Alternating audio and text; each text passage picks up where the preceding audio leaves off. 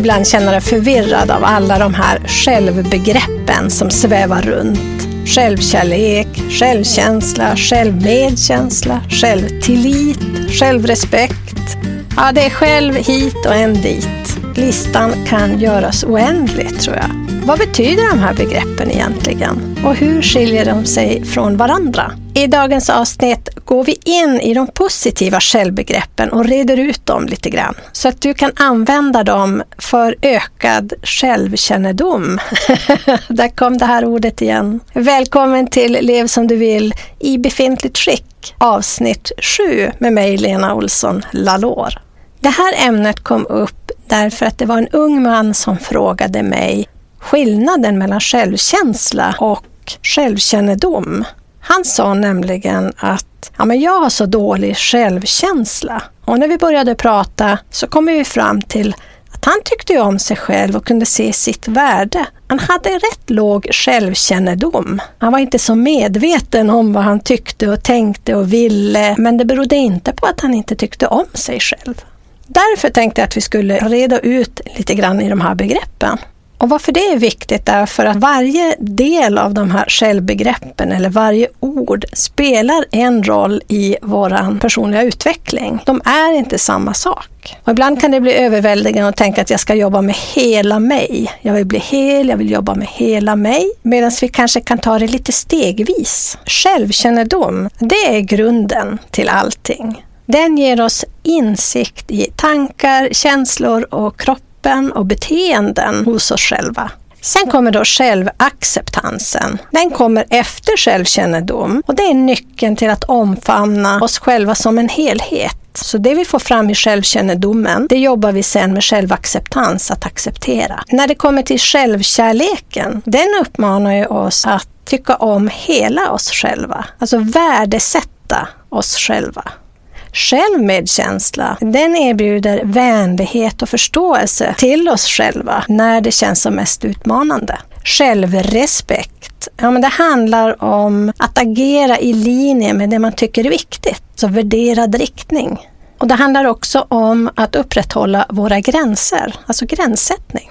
Självtillit handlar om att ha en tro till vår egen förmåga. Alltså jag tror det här om mig själv och min förmåga. Självkänsla är den övergripande uppfattningen om vårt värde. Så mer än självkärlek, självkänslan handlar om alla de här bitarna och vår uppfattning om vårt faktiska värde. Den inre bilden av oss själva och hur vi ser vart vi passar in här i världen, våran plats. Tycker du de låter lika?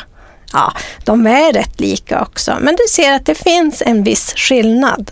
Så självkännedom, det är att lära känna dig själv.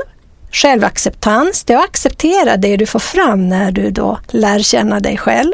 Självkärlek är ju att älska dig själv och se ditt värde. Och medkänsla, denna självmedkänsla, är ju att erbjuda förståelse och vänlighet när det är som mest utmanande. Självrespekten handlar om att göra det man tycker är viktigt, att följa och gå i värderad riktning och ha gränssättningar. Självtillit, det handlar om din egen tilltro till din förmåga av att klara av saker och ting. Och självkänsla, då summan av kardemumman, ja men det är det här värdet av hela dig själv, din plats på jorden och din inre bild av dig som människa. Och det är viktigt att skilja på de här som jag nämnde för att man kan ju vilja jobba med en viss del. Det kanske inte är så att jag behöver jobba i alla dessa delar och alla de här självbegreppen. Jag kanske behöver jobba i tilltro till min egen förmåga, men jag har självrespekt. Så varje begrepp belyser en del av oss själva och vi vill ju inte missa någon del av vårt unika jag.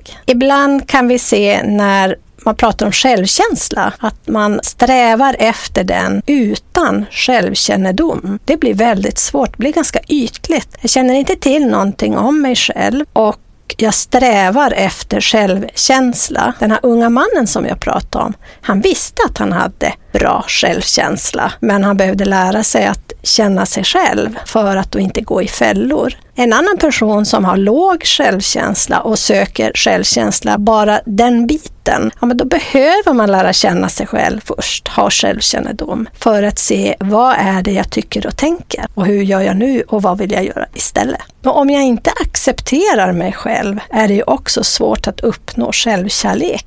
Så för att utvecklas fullt ut som händer så behöver vi börja med självkännedom. Så om vi börjar vid självkännedom, då är det lättare för oss att utveckla alla aspekter av vårt själv. Om vi skapar självkännedom, att lära känna oss som vi är, på den grunden kan vi då bygga självacceptans och självkärlek. Självmedkänsla är verktyget som vi kan använda för att ta oss igenom svåra situationer, utmanande händelser i vårt liv. Och genom det här arbetet så kommer vi att få högre självkänsla och känna större tillit till vår egen förmåga att klara av saker, kunna leva vårt liv. Och då är det ju lättare att stå fast också vid våra värderingar och våra gränser. Så call to action den här veckan är att fundera kring vilken del av ditt själv som kanske redan är bra, som du är nöjd med. Och kanske om det finns en del av ditt själv som du skulle vilja bygga på lite grann. Lära känna dig själv bättre eller att jobba med acceptansen eller att du behöver lite vänlighet i svåra situationer. Så vi behöver inte börja i hela oss, det är ganska tungt och svårt, utan vi börjar på en liten del. Därför jag tänkte att jag delar upp de här självbegreppen så kan du välja en liten bit. Ni vet det här med delmål. Ja, det var allt för denna gång. Tack för att du tagit dig tid att lyssna och är det så att du tycker att de ger dig någonting de här avsnitten, följ gärna podden där det går i din poddfångare. Om du tycker att det ger dig massor och är nöjd med podden kan du också ge ett betyg och en recension. Det vore jättetacksamt. Om du tror att det är någon i din närhet som skulle kunna dra nytta av podden, ja men dela den gärna då och sprid den. Om du vill så kan du prenumerera på mitt nyhetsbrev. Det finns på levsomduvill.se. Du når mig också bäst på hej levsomduvill.se. Men jag finns förstås på Instagram och Fejan på levsomduvill.se och levsomduvill på Facebook. Kom ihåg att den här resan mot självförståelse och ett rikare liv, ja men det är en ansträngning och det är väl värt investeringen. Hoppas du kan hänga med nästa gång. Då ska jag prata om de negativa självbegreppen som vi också har med oss förstås. Tills dess, ta hand om dig och ditt själv.